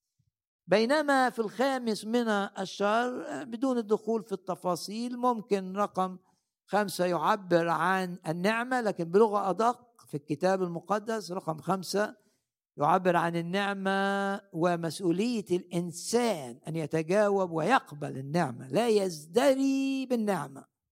لا يقبل النعمة والنعمة دي تخليه إيه؟ معلمة إيانا أن ننكر الفجور والشهوات العالمية. يعني النعمة اللي بيعاملك بها الرب تخلي جواك إصرار إنك متعيش في الخطية وإصرار إنك تعيش في القداسة معلمة إيانا. مش معنى إن الرب بيديك بالنعمة شفاء وبيديك بالنعمة بدون استحقاق نجاح ويديك بالنعمة آه إنك تبقى مثمر. مش معنى كده إنك أنت تستعطل لا دي النعمة نفسها تكسفك. معلمة إيانا. أن ننكر الفجور والشهوات العالمية ونعيش بالتعقل والبر. شوف الآية بتقولي معلمة إيانا. فالخامس رقم خمسة في كتاب يتكلم عن النعمة خمس أرغفة أشبعت خمس جموع. ويتكلم أيضا عن إن أنا علي دور أن أقبل النعمة ولا أزدري بالنعمة. وعن الازدراء بالنعمة آه، أقرأ لك آية يبقى النعمة إحسان الرب. بس إحسان الرب ده يخليك تقدر يخليك حياتك تتغير. عشان الرب عطاني الخلاص من الهلاك مجانا أنا هعيش للرب بكل كياني. عشان الرب خلاني من أولاد الله وغسلني بالدم وأنا لا أستحق عشان كده حياتي هتبقى لمجده وعشان كده هعيش جوايا إصرار أن أطيع وصاياه. نعمة سابقة يعني نتيجة تأثري بالنعمة حياتي تختلف. مش حياتي بتختلف عشان أجيب النعمة ما تبقاش نعمة. نعمة عطيه لا أستحقها لكن نتيجة النعمة تغير في حياتي وتغير في قراراتي لكي تكون بحسب مجد الله. في تحذير في آه، الرسالة إلى العبرانيين. أوعى تزدري بروح النعمة. الرسالة إلى العبرانيين مش معنى إنك أنت في العهد الجديد بقى إنك تعيش في العالم ومش مهم وتسلكش بتدقيق وتبقى كده واثق إن الرب دايما معاك. لا ده ده ده آه، عدم تقدير لما تقوله كلمة الرب لأن إرادة الله قدستكم سواء أنت عايش في العهد القديم في العهد الجديد. إرادة الله أنك أنت تبقى محرر من الخطية. إرادة الله أن حياتك تمجده. إرادة الله أنك ما تكذبش إرادة الله أنك أنت ما تزنيش. إرادة الله أنك أنت ما تشتهيش. إرادة الله بتقول بس أعمل أعيش ده إزاي؟ آه لأن النعمة هتديني القوة إن أنا أغلب الخطية. ورسالة يوحنا تقول لك دي علامة إنك أنت اتغيرت إنك أنت عايز تغلب الخطية. الرسالة إلى العبرانيين الأصحاح العاشر يقول لك واصدر بروح. النعم ده كم عقابا الشر تظنون أن يحسن مستحقا من اصدر بروح. النعمة؟ فإننا نعرف الذي قال لي الذي قال لي الانتقام أنا أجازي. يقول الرب وبعدين بعديها على طول وأيضا الرب يدين شعبه يحكم عليهم يعني. فبيقول لهم لا اوعوا تصدروا بروح النعمة لأنه مخيف والوقوع في يدي الله الحي الرسالة إلى العبرانيين الأصحاح العاشر. باسم الرب يسوع يبقى رقم ستة. في الآية دي بيتكلم عن الشرور اللي جاية على شعب الرب لكن في نعمة لو الشعب لحق نفسه وتاب ورجع للرب آه في نعمة. رقم خمسة. يبقى رقم ستة بيقول عن إيه؟ الحاجات الوحشة اللي إحنا بنعملها بس رقم خمسة بيقول لك تعالى للرب بسرعة. اعترف بخطاياك أمامه احكم على نفسك ارفض الخطية في محضره. في نعمة لأن عندك نعمة نعمة تبديل الحياة وتجديد الحياة والحياة المنتصرة والحياة اللي بتمجد الرب. إن كان رقم ستة واضح في حياتك الضعف فرقم خمسة مقدم ليك. لكي تنتصر على أي شر بيتحرك في داخلك وعلى أي شر جاي ضدك من بره. الأرقام لها في الكتاب المقدس معاني ثابتة. دور على رقم ستة, ستة في كل الكتاب هتلاقيه في نفس المعنى. دور على رقم خمسة في كل الكتاب المقدس هتلاقيه جاي في مناسبات ليها نفس المعنى. إن الرب بيقدم نعمة بس أنت ما تزدريش بالنعمة. تجاوب مع النعمة. اقبل النعمة. وبلغة رسالة روميا كن مقيما في النعمة. النعمة التي نحن فيها إيه؟ مقيمون والنعمة الحقيقية تأثر في حياتك. عشان خدت الخلاص بتسلك في الأعمال التي سبق الله فأعدها. عشان خدت النعمة والرب شفاك بالنعمة عشان كده هتقول جسدي يبقى للرب هعيش للرب بكل كياني. همجد الرب. وهطيع الرب لأنه قال الذي يحبني يصنع وصاياي وصاياي الرب ليست ثقيلة. بالنعمة هنتصر على إغراءات العالم بالنعمة هنتصر على إلحاحات الطبيعة القديمة بالنعمة هنتصر على غوايات وراء إبليس. رقم خمسة النعمة وموقفي تجاه النعمة. الدرس الثاني الأرقام التي في الآية الأولى من الأصحاح الثامن. إيه اللي حصل بقى وهو قاعد في البيت وقدامه الناس الشيوخ اللي عايزين منه كلمة من الرب؟ يعني قدروا إن هو نبي. لأنه مؤيد من الله. الرب عطاله هيبة كده عطاله تأييد إلهي. لو أنت بتخدم الرب أعلن إيمانك أن في تأييد من الرب واضح سيكون لك في الدوائر التي دعاك الرب أن تخدم فيها. زي ما قال تقول لي أنا صغير في السن أقول لك طب ما بولس قال لتيموساوس لا يستهن أحد بأنك صغير. طب إزاي ما يستهنوش بيا وأنا صغير؟ عشان تأييد الرب ليك يبقى واضح. إيه اللي حدث بقى؟ ورفعني روح هنا الروح القدس خده يعني دخل في غيبوبة ووداه بالروح.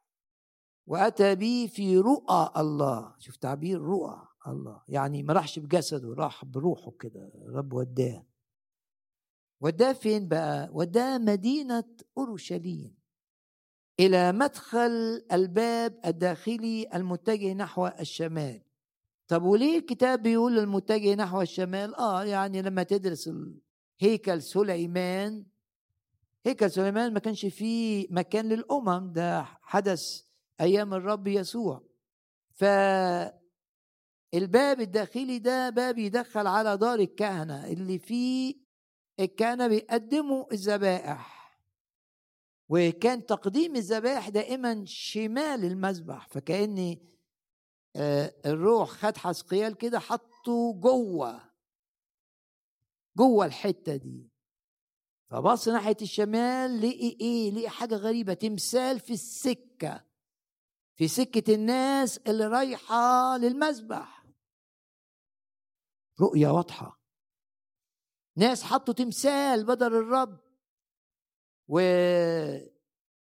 وسماه كده ده تمثال الغيرة. وهنا الرب بيكشف حالة الشعب اللي كان في مدينة أورشليم. ليه؟ فكرت. علشان الشيطان أقنع الناس سواء جوه أورشليم أو بره أورشليم في بابل إن الناس اللي في السبي يرجعوا إلى أورشليم. وان الجيوش اللي محصره اورشليم هترحل وفعلا رحلت بس رجعت تاني خداع من العدو.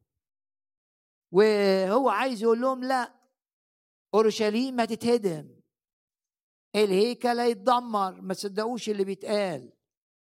ليه؟ آه. ده الأصح التاني. ليه؟ ليه أورشليم تتدمر؟ ليه الهيكل يتدمر؟ ليه؟ هتلاقي لما تدرس أصحاح ثمانية في أربع شرور رئيسية. وبس علق على إني وإذا مجد الرب هناك يعني راح لقي مجد. يعني بالروح شايف مجد الرب مركبه اللي فيها مجد دي اللي بتعلن مجد الرب اللي فيها الأربع كروبيم وكل كروب ليه أربع أوجه. اللي تأملنا فيها من قبل ليه المجد موجود بس في نفس الوقت في تمثال محطوط تمثال لعبادة وثنية في الحتة اللي جنب المذبح اللي بتقدم عليها الذبائح للرب. هذه النعمة إن لا يزال مجد الرب موجود إلى آخر لحظة. حطم الصنم. دشدش الوثن ده. شيله من السكة. الرب لسه ما سابش اورشليم. نعمة مقدمة. الرب معاك. وانت في عمق الخطية. آه بس لا تستعين بطول أنات الرب. معاك وممكن ينجحك وممكن رغم إنك أنت مش بتقاوم الخطية وبتجري ناحيتها. ومش بتصلي إنك تسيبها. بس لا تستهين بهذا. انك تعرف بعد كده من سفر حسقيال إن المجد ده مشي. يعني حسقيال وهو في بابل في بيته قاعد قدام الناس والروح نقله كده راح أورشليم لقي في الحتة اللي فيها تقديم العبادة لقي حاجتين مجد الرب بس ليه تمثال محطوط بالرسالة. لن يتركك الرب. انتهز الفرصة. لو انت في حاجة غلط في حياتك رب لسه معاك. بس بشجاعة كده حطم الصنم ده. واسمه هنا تمثال الغيرة. ليه؟ الرب بيغير على مجده. ده مكاني أنا. إيه اللي جاب عبادة غلط هنا؟ إيه اللي جاب تمثال تعبدوه هنا؟ طب تقول لي إحنا في العهد الجديد ما فيش تماثيل. قلت لك آه التمثال ده عبادة الأوثان ده الطمع والطمع كلمة ترجمتها أو الأصل اليوناني معناها عندك رغبة مش متحكم فيها. سايبها كده منفلتة. فماشية في سكة العالم في سكة الخطية. رغبة كده واخدة مكان الرب. في توجيهك أي حد ياخد مكان الرب في قيادتك ده صنم. أي حد ياخد مكانة الرب في حبك بالحب الأول مش للرب الحاجة تانية بقي وثن. تقول للرب معايا أقول لك آه طب ما أشوف المشهد هنا. مجد الرب أقرأ لك العيال لما راح هناك يقول لك حيث مجلس تمثال الغيرة. المهيج الغيرة اللي بيخلي الرب يغير على بيته. وإذا مجد اله إسرائيل هناك. الاثنين معا. تقول لي أنا ربنا بيباركني؟ بس أقول لك آه بس أنت عندك خطية ومش بتقاومها. تقول لي آه. طب تقول لي آه بس أنا أكيد صح ما دام الرب بينجح طريقي. لا مش شرط. الرب بينجح طريقك لأنه بيتعامل معاك بالنعمة إلى حين. أوعى تستنفذ وقت إلى حين. وزي ما بتقول رسالة روما روميا لازم تبقى متأكد إن الرب بيعمل كده عشان يقودك يديلك فرصة واثنين وثلاثه إنك تاخد موقف من الغلط. إنما لو ما خدتش وقت موقف من الغلط وحطمت الوثن ده اللي واخد مكان الرب في مشاعرك أو مكان الرب في قيادتك النتيجة إنك هتفقد مجد الرب. هنلاقي بعد كده لما نألف في سفر حسقيال إزاي إن مجد الرب اتحرك بقى. ساب المكان ده وطلع بره الهيكل وبعدين طلع بره المدينة. غير عالم أن طول أنات الرب إنما يقودك إلى التوبة. مين اللي عمل التماثيل دي؟ الملك في أورشليم. تقرا في ما دام بندرس مع بعض طلع معايا كده سفر أخبار الأيام. ده سفر تاريخي. اتكلم عن ملوك شعب الرب. سفر أخبار الأيام الثاني وأصحاح 33 نقرأ عن الملك اللي كان سيء. أغلب وقت حياته كان سيئا جدا. اسمه إيه؟ اسمه منسى. إيه اللي قاله الكتاب عن منسى في أخبار الأيام الثاني أصحاح 33 ركز كده معايا كده. يقول الكتاب عن منسى منى مذابح للأصنام في الهيكل في بيت الرب. وعمل إيه؟ واستسلم لأفكار السحر فمشى ولاده في النار واستخدم الجان وأكثر عمل الشر في عيني الرب لإغاظته. بعدين أعلى حاجة وحشة عملها بقى آية سبعة. ووضع تمثال حط تمثال في بيت الرب. تمثال حاجة شكلها كده في بيت الله. يبقى أول واحد حط تمثال. كان مين؟ كان منسى عنده أفكار غريبة الشيطان اتملك عليه. مكان العبادة الجميل بمكان وثني طب ما آه بيحصل كده إني في الخدمة بتلاقي حاجات غلط بتلاقي ناس ب... آه بت... يعني ممكن واحد بيخدم علشان علاقة عاطفية ممكن واحد بيخدم علشان آه رغبة في المال ممكن. ده اللي حصل. في العهد القديم إن هيكل الرب بقي فيه منسح حط تمثال. لما بقى نقرأ بعد كده عن يوشيا. عمل إيه يوشيا ده؟ حفيده. لغى التماثيل دي. برافو. بس بعد ما مات يوشيا رجعوا التمثال تاني. وأنا بقول ده ليه؟ عشان دي رسالة. الحاجة اللي خلصك منها الرب لا تعيدها. الحاجة اللي هدمها الرب في حياتك لا تبنيها مرة أخرى. الملك العظيم يوشيا شال التمثال ده. ما ترجعوش أنت. الرب هدم مدينة أريحة ما تبنهاش تاني.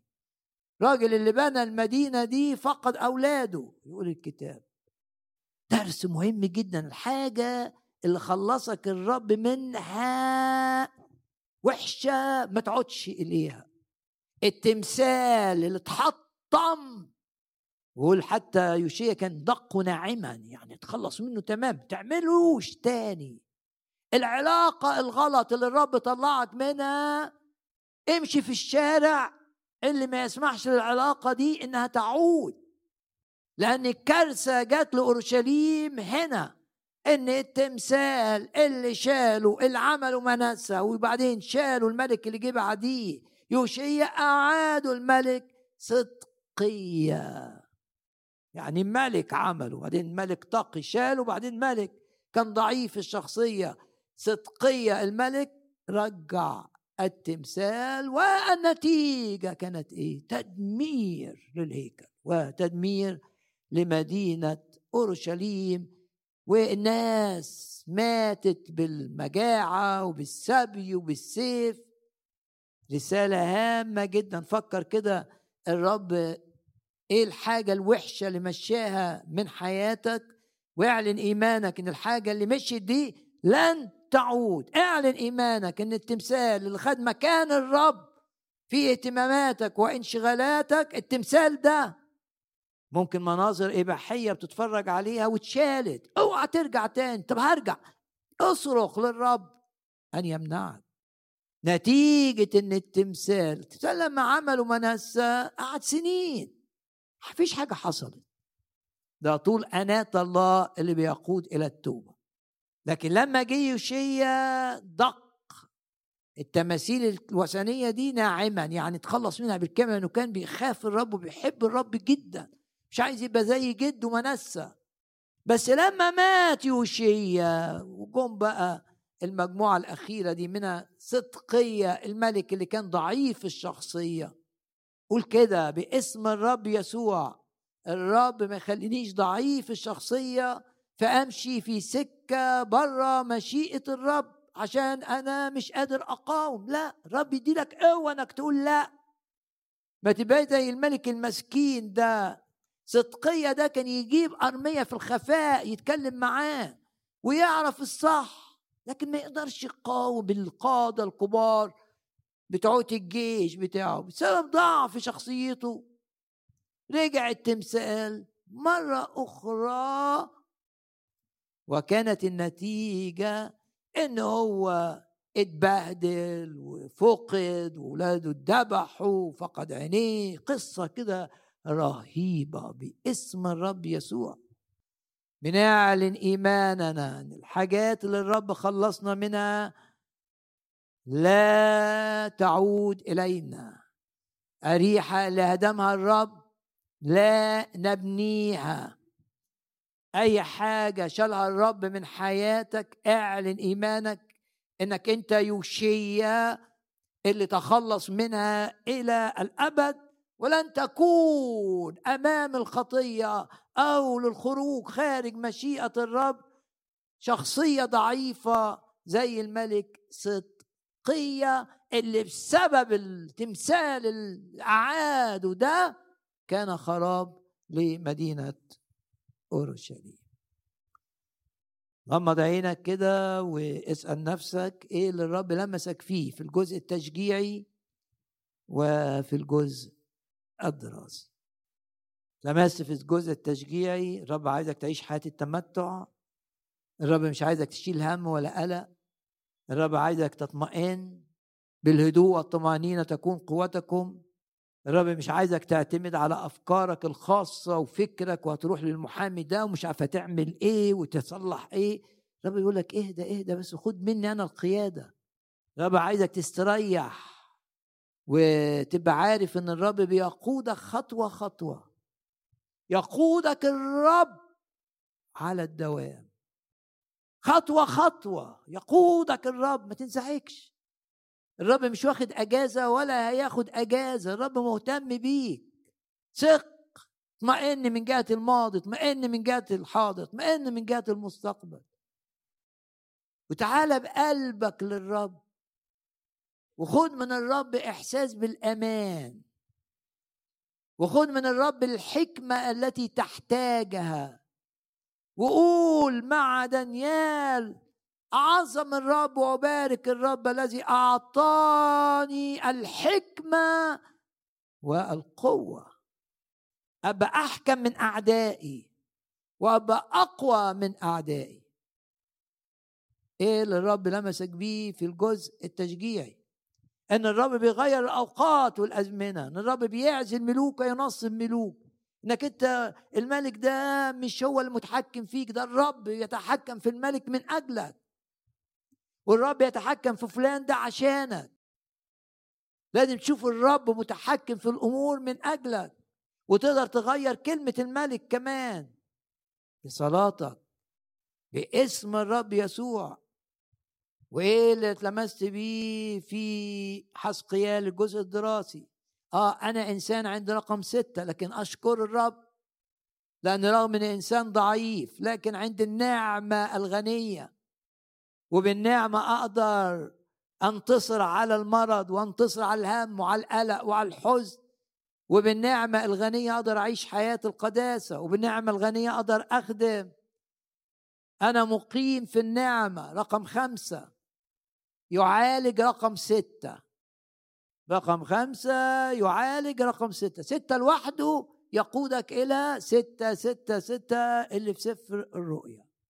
إيه اللي الرب لمسك بيه في الجزء الدراسي؟ إن الرب دائما لما يبعتك في مكان أو يستخدمك أو في شغل تاخد شغل من إيد الرب تقول آه الرب اعطاني الشغل ده بس اعطاني هيبة في هذا العمل. زي كده الشيوخ القادة راحوا مش مش حسقيال اللي راح لهم ده هم اللي راحوا لحسقيال زي ما كان بولس كده محطوط في بيت استأجره والناس قادة اليهود راحوا له. آه لأنه عنده عنده حاجة من الرب واضحة لأعدائه قبل أصدقائه. إيه اللي الرب لمسك بيه تمثال يوشيا تخلص منه لا تكن صدقية الذي أعاده من جديد. يا رب احفر كلمتك في قلوبنا جدد بها أذهاننا واعلن إيمانك كده إن الرب بيحبك قوي قوي قوي وأنت بالحب قوي بالنعمة قوي بإيمانك بالدم قوي لا رجوع للوراء مش هنرجع لأيام منسى لكن للأسف صدقية بسبب شخصيته الضعيفة رجع. تقول لي آه أنا شخصيتي ضعيفة وأصحابي بيجروني. أقول لك لا أنت بالرب مش شخصيتك ضعيفة. الرب بيرسل هيبته أمامك. أنت بالرب تقدر تقول لا. ما تخافش. تقول لا دول هيسيبوني لو خدت قرار زي كده. مش يسيبوك. أنت خايف ليه ومهزوز؟ الرب هيقف معاك وهيعوضك ويعطيك أكثر من هذه. دي آية عظيمة جدا. يقول لك سيب أي حاجة عشان تتبع الرب. ما تقولش أنا هخسر لأن الرب يعطيك أكثر من هذه اللي خسرتها علشان تبقى مطيع للرب. واحد يقول لي أنا ضعيف قدام أولادي بيجروني لحاجات مش نقية. أقول لك لا. بص للرب سيقويك في عيونهم ويؤيدك. وترى تأييد الرب واضح في بيتك مع أحفادك باسم الرب يسوع. غمض عينك واسأل نفسك إيه اللي الرب لمسك بيه النهارده. وبنعلن إيماننا دايما في الاجتماع ليه؟ غير تاركين اجتماعنا. تيجي الاجتماع تقول لي أنا أنا تعبان تعالى وانت تعبان هترجع مش تعبان. مريض تعالى وهتشفى. بس ما تسيبش المكان اللي الرب بيكلمك فيه واللي الرب بيبعت لك فيه رسائل واللي الرب بيلمسك فيه. هنا تاخد مناعة في حضور المؤمنين حوالين الرب يسوع. مناعة من الهم ومن القلق ومن الانهيار. باسم الرب يسوع. نقف جميعا في محضر الرب الآن.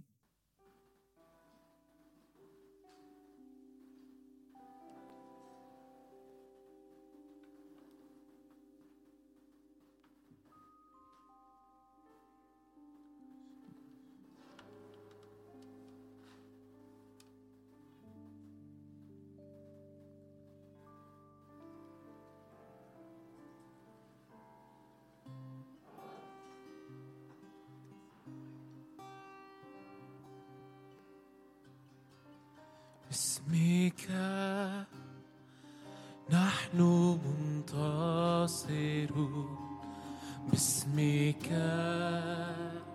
سيسحق الشيطان نهتف نحن منتصرون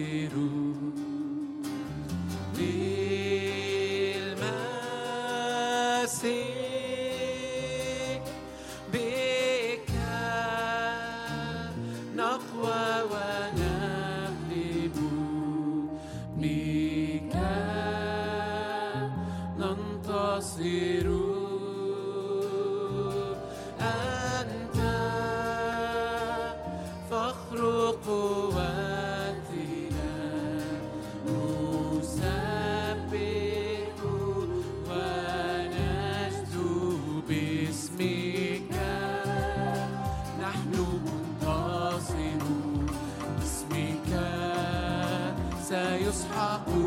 الشيطان نهتف نحن منتصرون بالمسيح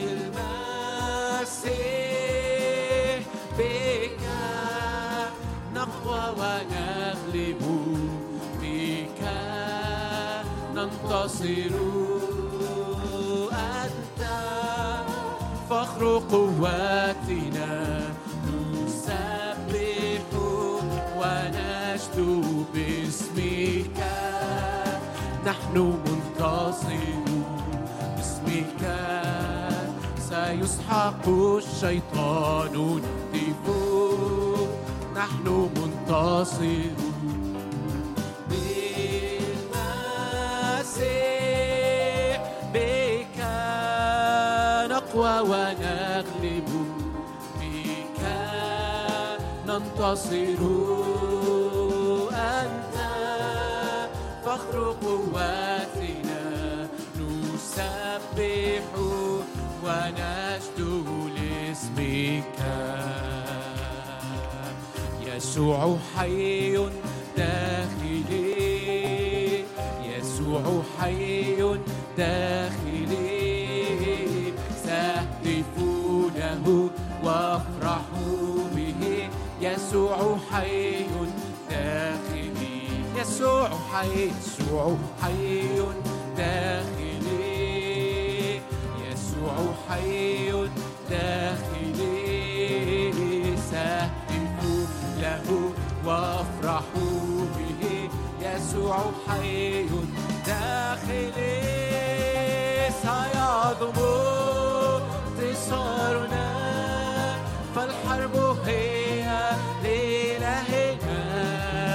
سنغلب دائما لأنه حي فينا يعظم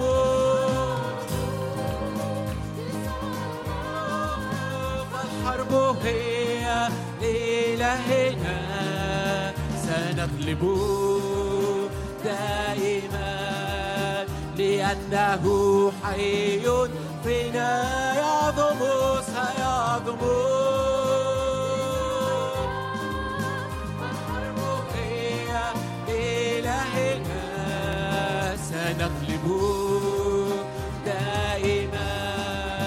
لأنه حي فينا يعظم انتصارنا. انتصارنا. فالحرب هي لإلهنا.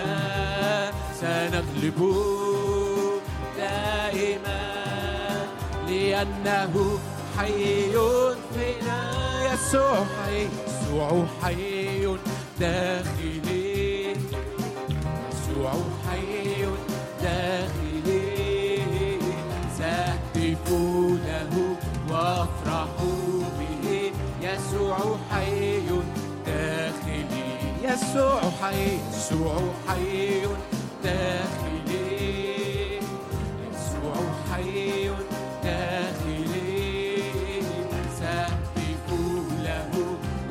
وأفرح به يسوع حي داخلي. سيعظم انتصارنا فالحرب هي لإلهنا. سنغلب دائما لأنه حي فينا. سيعظم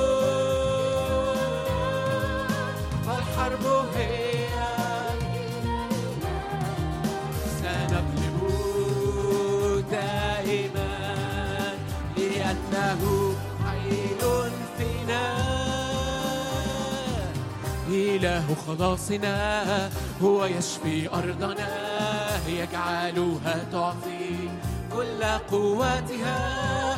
أنهار الحياة تجري من وسطها عظمة قدراته الفائقة إله خلاصنا.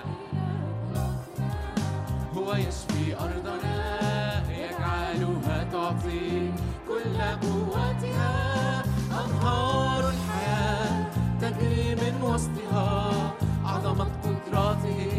الفائقة. يسكن المجد أرضنا يسكن المجد أرضنا يسكن المجد أرضنا هللويا قول هللويا عظم الرب قول هللويا ارعب مملكة الشيطان وقول للرب هللويا هللويا يا رب نشكرك ونباركك تعطينا أوقات الراحة وأوقات الطمأنينة. وتجعلنا دائما دائما أعظم من منتصرين. يحاربونك ولا يقدرون عليك لأني أنا معك يقول الرب. يا رب نشكرك. لأنك أنت معنا. وعدك العظيم. لا أتركك ولا أهملك. اشفي المرضى الموجودين في هذا الاجتماع أو يتابعون الاجتماع عبر الإنترنت. لمسه شفاء باسم الرب يسوع. تزيل الألم. وهادموك مخربوك منك يخرجون. يطلع من الجسد أي أسباب ضعف ومرض باسم الرب يسوع. وتطلع من الاذهان أي أفكار غلط هادمة باسم الرب يسوع. كل ما يهدم كل ما يخرب يخرج ولا يعود. هللويا هللويا هللويا. وارفع إيدك كده معي. نقيد أي نشاط شيطاني ضد أي شخص. شاعر إن في نشاط شيطاني ضدك. في دائرة الصحة في دائرة العمل في دوائر معينة. باسم الرب يسوع بقوة الدم السمين. بنعلن قوة دم الرب يسوع السمين لكسر هذا النشاط الشيطاني لتشتيت الأرواح الشريرة إلى سبعة طرق باسم الرب يسوع. هللويا هللويا هللويا هللويا. وارفع إيدك كده اعلن انك انت واثق. واثق ان يعظم انتصارك. يا رب اشكرك لانك تتحكم في كل الذين هم في منصب. جميعهم تتحكم فيهم من أجلنا. لمجدك والخيرنا. نشكرك ونباركك ونعظمك. أمورنا ليست في يد الناس. أمورنا هي في يدك. لا يستطيع أحد أن يقاوم ما تريده من خير لنا. إنما خير ورحمة يتبعاننا كل أيام حياتنا. تحول الهزيمة إلى انتصار وتحول الخزي إلى مجد وتحول السلب إلى مكاسب عظيمة. أنت إله التعويض تعوض عن السنين التي أكلها الجراد انت إله قادر أن تصنع أكثر جدا أكثر جدا مما نطلب أو نفتكر. تحفظنا في مشيئتك. رافعين الرأس. أنت مجدي ورافع رأسي. نشكرك ونباركك ونعظمك. أيها السيد الرب. هللويا هللويا. وتقفل بيبان وتفتح بيبان وتغير امور وأحداث وتعزل ملوك وتنصب ملوك لكي نكون في كامل مشيئتك. نفعل فقط ما يرضيك. هللويا شفاء من أي مرارة داخلية. تخلص من عدم غفران باسم الرب يسوع. تخلص من الإنزعاج. باسم الرب يسوع. وإيمان. أن الرب يحفظنا من كل شر. يحفظ أجسادنا من المرض. يحفظ أذهاننا من الأفكار الخاطئة السلبية. يحفظ أرواحنا منتعشة باسم الرب يسوع. مفتدين الوقت لأن الأيام شريره وفي الدقيقة الأخيرة بشجعك تصلي من أجل أي شخص الرب يفكرك بيه أي حد الرب يفكرك بيه الآن. ارفع صلاة باسم الرب يسوع. صلاتك بتحرك السماء والسماء بتحرك كل شيء. هللويا هللويا هللويا. من مثلنا شعب منصور بالرب. هللويا هللويا هللويا. كفاك دوران لأن الرب هيديك رؤية للأيام القادمة. هللويا هللويا هللويا. لا دوران بعد هذه اللحظة الرب هيديك إعلان باسم الرب يسوع. هللويا. الآن إلى الترنيمة الأخيرة في هذا الاجتماع.